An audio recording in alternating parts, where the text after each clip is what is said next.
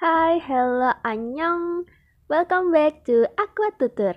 Aquakultur bertutur.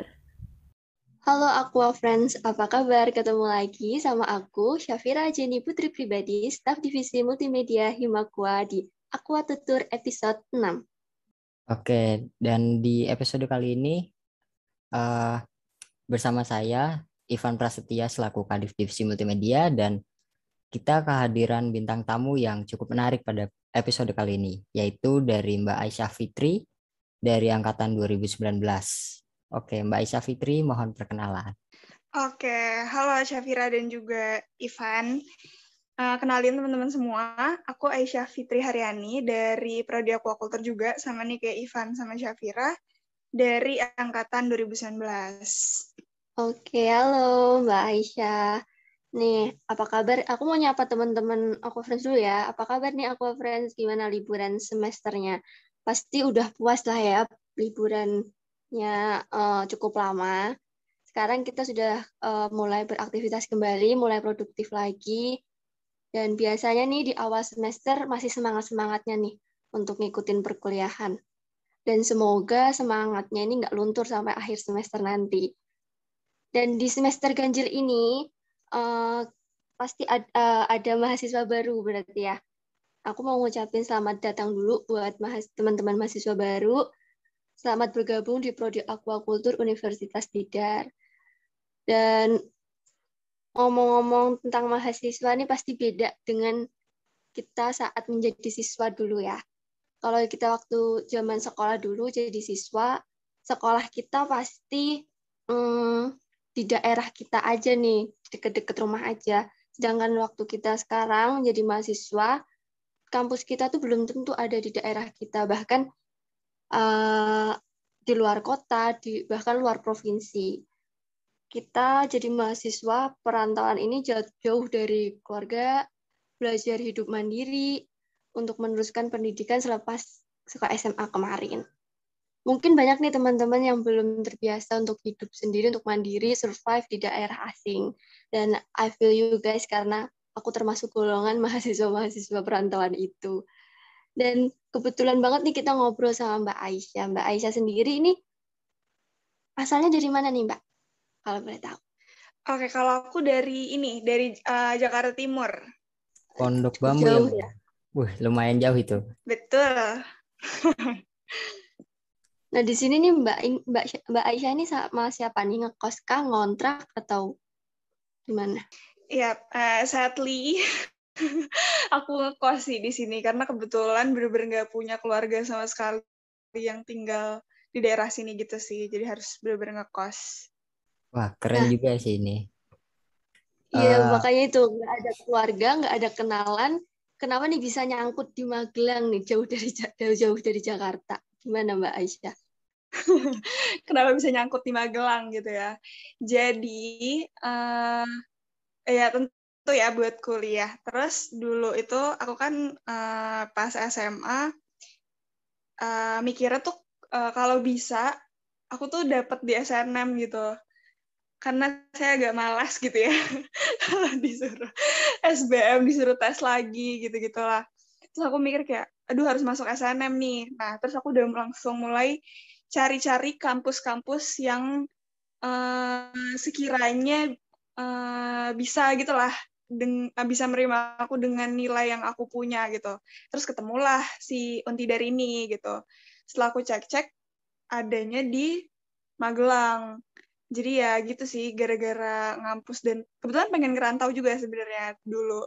Terus kayak ah yaudah deh nggak apa-apa coba aja uh, di Untidar terus ternyata malah keterima gitu. Jadi udah mulai ngekos dan lain-lain di sini gitu. Berarti ini Mbak Aisyah nih baru pertama kali ngerantau ini ya Mbak ya? Apalagi nih ke daerah Jawa Tengah gitu kan? Iya bener banget. Karena dari dulu selalu ini sih selalu tinggal sama orang tua kan deketan dan selalu di Jakarta gitu. Enggak aku pindahan sih sebenarnya tapi ya selalu sama orang tua gitulah. Nggak pernah jauh sama sekali dari orang tua.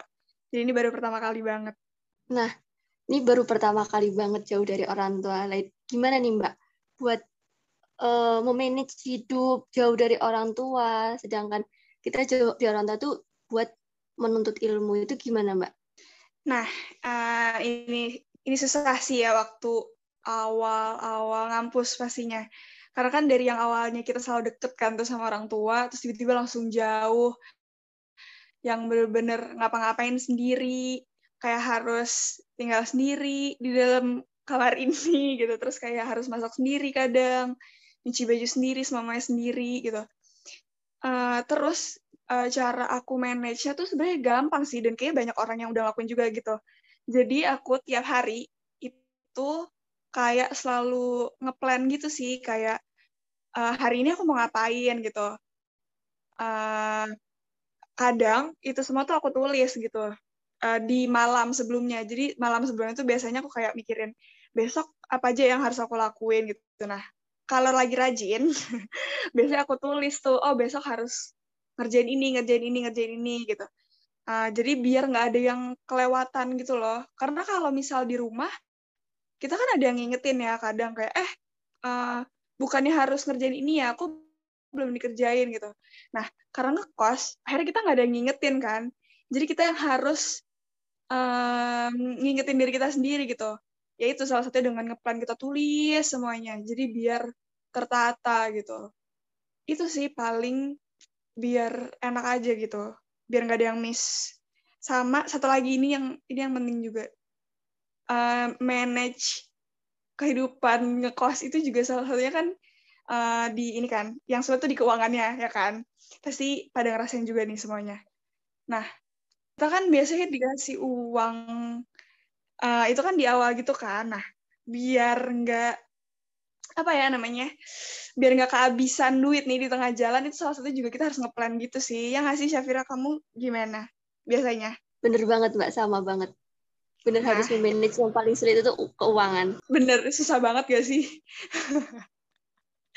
karena ya itu uh, banyak banget godaan. Jadi benar harus main ditulis biar uh, kita nggak keteteran gitu di akhirnya. Intinya itu doang sih semuanya benar harus diplan biar walaupun kita jauh dari orang tua semuanya tetap tertata dengan rapi gitu kalau menurut aku sih. Oke oke. Menarik juga sih ini uh, berdasarkan pengalaman dari Mbak Aisyah ini yang uh, gimana sih cara kita mengatur kehidupan kita sebagai anak perantauan? Gimana cara mengatur uang? Gimana kita melakukan kegiatan sehari-hari? Dan itu sudah dijelaskan sama Mbak Aisyah yang menurut aku sih cukup berguna gitu loh. Ya walaupun memang pada keadaan sekarang itu uh, masih dilaksanakan secara online tapi Mbak Aisyah juga pernah merasakan keadaan di mana offline gitu ya Mbak ya. Dan apa dan sekarang pun uh, bisa dibilang Mbak Aisyah pun masih offline gitu ya Mbak ya? Karena adanya kegiatan gitu Mbak. Iya benar banget. Kebetulan aku dari bul dari awal tahun dari bulan Februari lah. Dari bulan Februari aku benar-benar di Magelang. Jadi ya itu sih harus kembali lagi sebagai anak kos. nah, berarti Mbak Aisyah ini belum uh, apa maksudnya ke pulang ke Jakartanya itu ter ini enggak kayak berapa bulan sekali kayak bagaimana gitu nggak? Uh, kalau awal-awal ya awal-awal semester yang masih kita offline semua tuh itu biasanya aku pulangnya tuh kalau ada waktu libur agak lumayan panjang gitu kayak misal seminggu dua minggu aku pasti pulang tuh. Nah kalau sekarang, kebetulan aku di sini tuh gara-gara aku jadi salah satu staff Ormawa yang ada di kampus kan. Nah, itu bener-bener dari awal periode dan kayaknya sampai akhir periode ini uh, kayaknya nggak akan pulang gitu. Karena bener-bener uh, padet gitu. Jadi ya dengan sedih saya bener-bener harus di kosan terus nih kayak sampai akhir tahun gitu sih. Nah, cara buat melepas rindu sama keluarga ini gimana, Mbak? Pasti ke apa sih ngerasa kayak emang sekarang bisa telepon, video call, tapi pasti tetap kurang lah ya. Kalau tips dari Mbak Aisyah sendiri biar mengobati rindu gitu, gimana? Ah, kalau aku ya, mengobati rindu kayak yang udah kamu sebutin tadi sih sebenarnya kayak tetap keep in touch gitu kan sama keluarga di rumah kayak selalu video call aja kayak kalau lagi senggang kalau lagi gabut gitu kan selalu telepon sejauh ini sih aku caranya cuma gitu doang uh, ya gitu selalu ngabarin kayak lagi ngapain dikit ngabarin, ngapain dikit ngabarin gitu. Jadi biar selalu tahu updatean-updatean kita gitu lah. Gitu doang aku sih caranya. Oh, oke okay, oke. Okay. Terus uh, karena Mbak Aisyah udah pernah merasakan uh, kuliah off online eh offline dan sekarang sekarang lagi online, perbedaannya ada nggak Mbak? Hmm, perbedaannya banyak banget sih tentu. Ya, uh, oh kamu berarti belum pernah online, eh offline ya Syafira ya? Belum. Aduh, kasihan. Kayak uh, Ivan juga pasti tahu sendiri ya kalau bedanya offline sama online tuh gimana. Kalau offline pasti lebih seru sih dari mulai kelas, yang bisa berlangsung interaksi gitu nggak sih Van sama dosen saya sama Pak Aji misal sama Pak Ilan gitu bener sih. Kalau offline tuh apa ya uh, feel di dalam kelas itu berasa banget. Dan nah. kayak iya kayak materi yang dikasih sama dosen tuh lebih masuk gitu loh dibanding online kayak sekarang. Dan ya menurutku ya anggapanku tuh kalau online tuh sekarang tuh kayak ada yang tidur di kelas gitu loh. Pas online eh, pas on cam gitu dia off cam terus tidur kayak gitu gitu cuman kan kalau kelas offline tuh pasti rasanya beda. Kalau kelas offline tuh Bener. terkadang tergantung dosen ya. Saya kan semisal ada dosen yang ketat nih misal ada dosen yang ketat kita telat lima menit lah itu kita nggak boleh masuk gitu loh dan itu ya cukup menantang juga kadang bangun kesiangan kelas jam 7 kita bangunnya jam berapa kayak gitu sih Nah, iya bener banget tuh. Karena ngekos, jadinya kan gak ada yang ngebangunin kita gitu kan. Nah, bener-bener kadang tuh bisa kesiangan yang namanya berangkat ke kampus, terus uh, ada yang udah nyampe kampus itu tetap nggak dibolehin masuk sama dosen. Kalau baik langsung masuk tuh. Tapi kalau nggak boleh ya udah bener kita kalau udah buru-buru tuh ke kampus nggak boleh masuk. Itu sih salah satunya ya. Uh, feel kelasnya pasti beda banget. Sama ini, uh, kita tuh kan salah satu prodi yang ada banyak banget ya praktikumnya. Nah, wah itu berasa banget sih dari yang dulu offline kita bener-bener setiap hari kayaknya praktikum, terus bener-bener harus ngeburu-buru ngerjain laprak gitu. Nah, sekarang giliran online, praktikum kita tuh uh, metode metodenya jadi ganti semua kan. Jadi bener-bener kayak uh, kadang cuma dikasih uh, resu apa tugas ngeresu mungkin atau nge-review jurnal atau apa ya banyak lah pakai metode-metode praktikum yang sekarang. Nah cuma itu tetap aja gitu kadang nggak nyampe gitu loh uh, materinya tuh kadang kayak kurang nyantol gitu.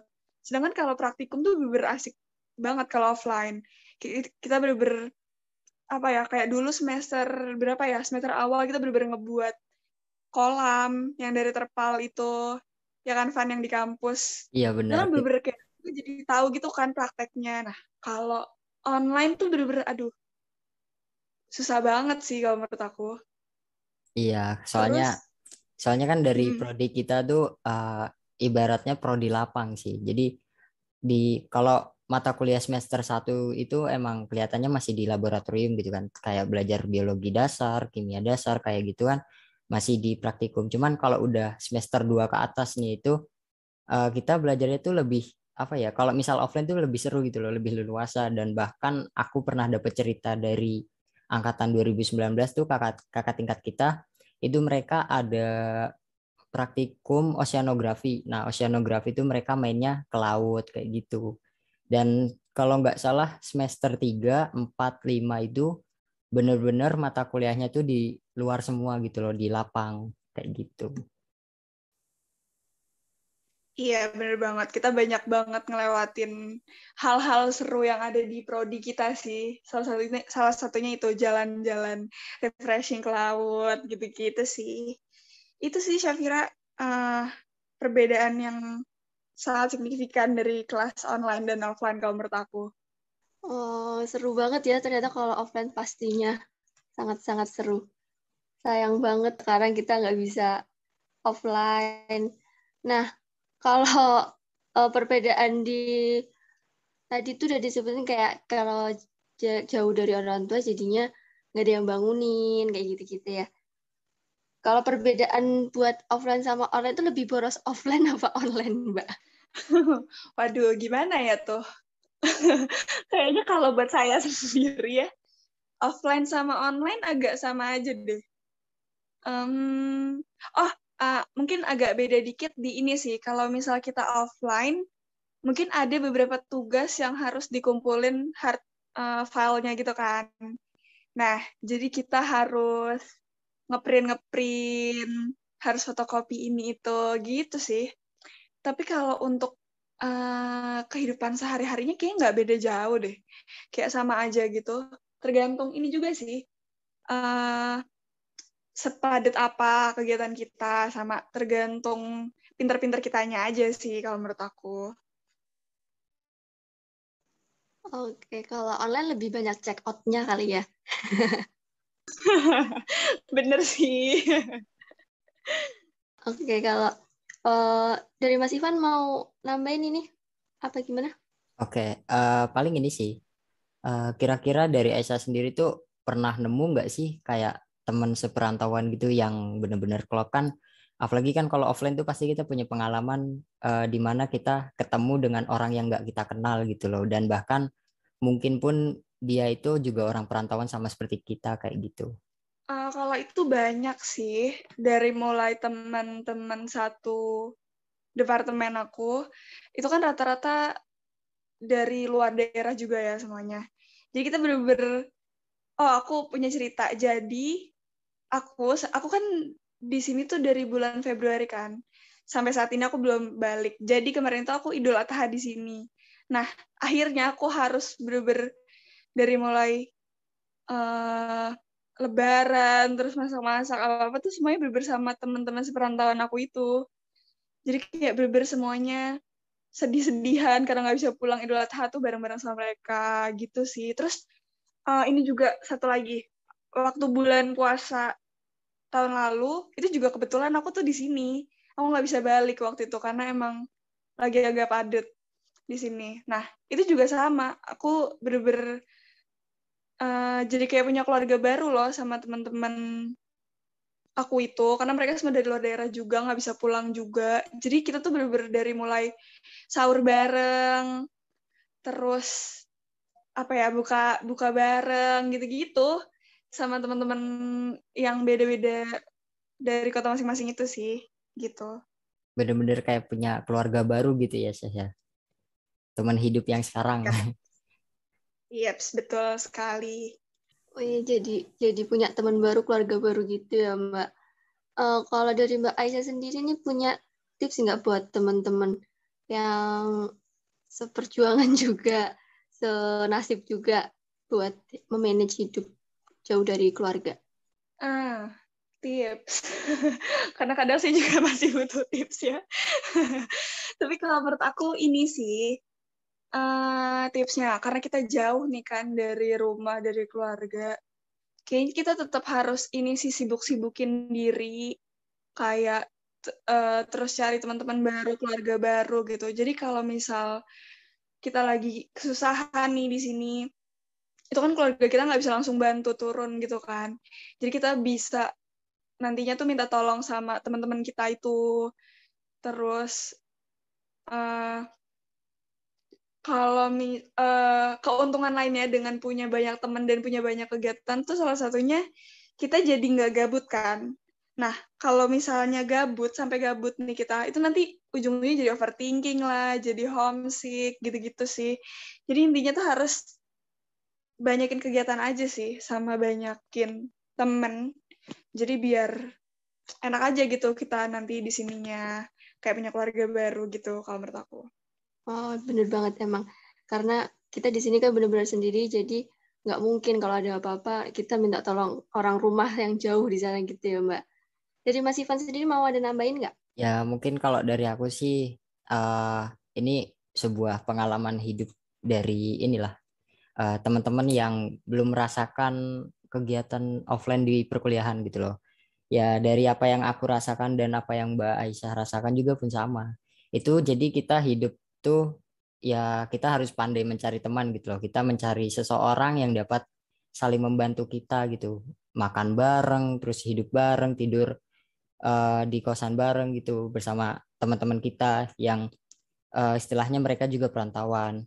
Dan uh, bahkan kita pun ya yang awalnya offline yang walaupun sekarang online dan awalnya pun offline tuh kita pas awal-awal tuh semester satu pasti ngerasain yang namanya homesick tuh. Itu pasti setiap uh, apa namanya setiap perantauan tuh yang baru pertama kali ngerantau tuh ngerasain yang namanya homesick.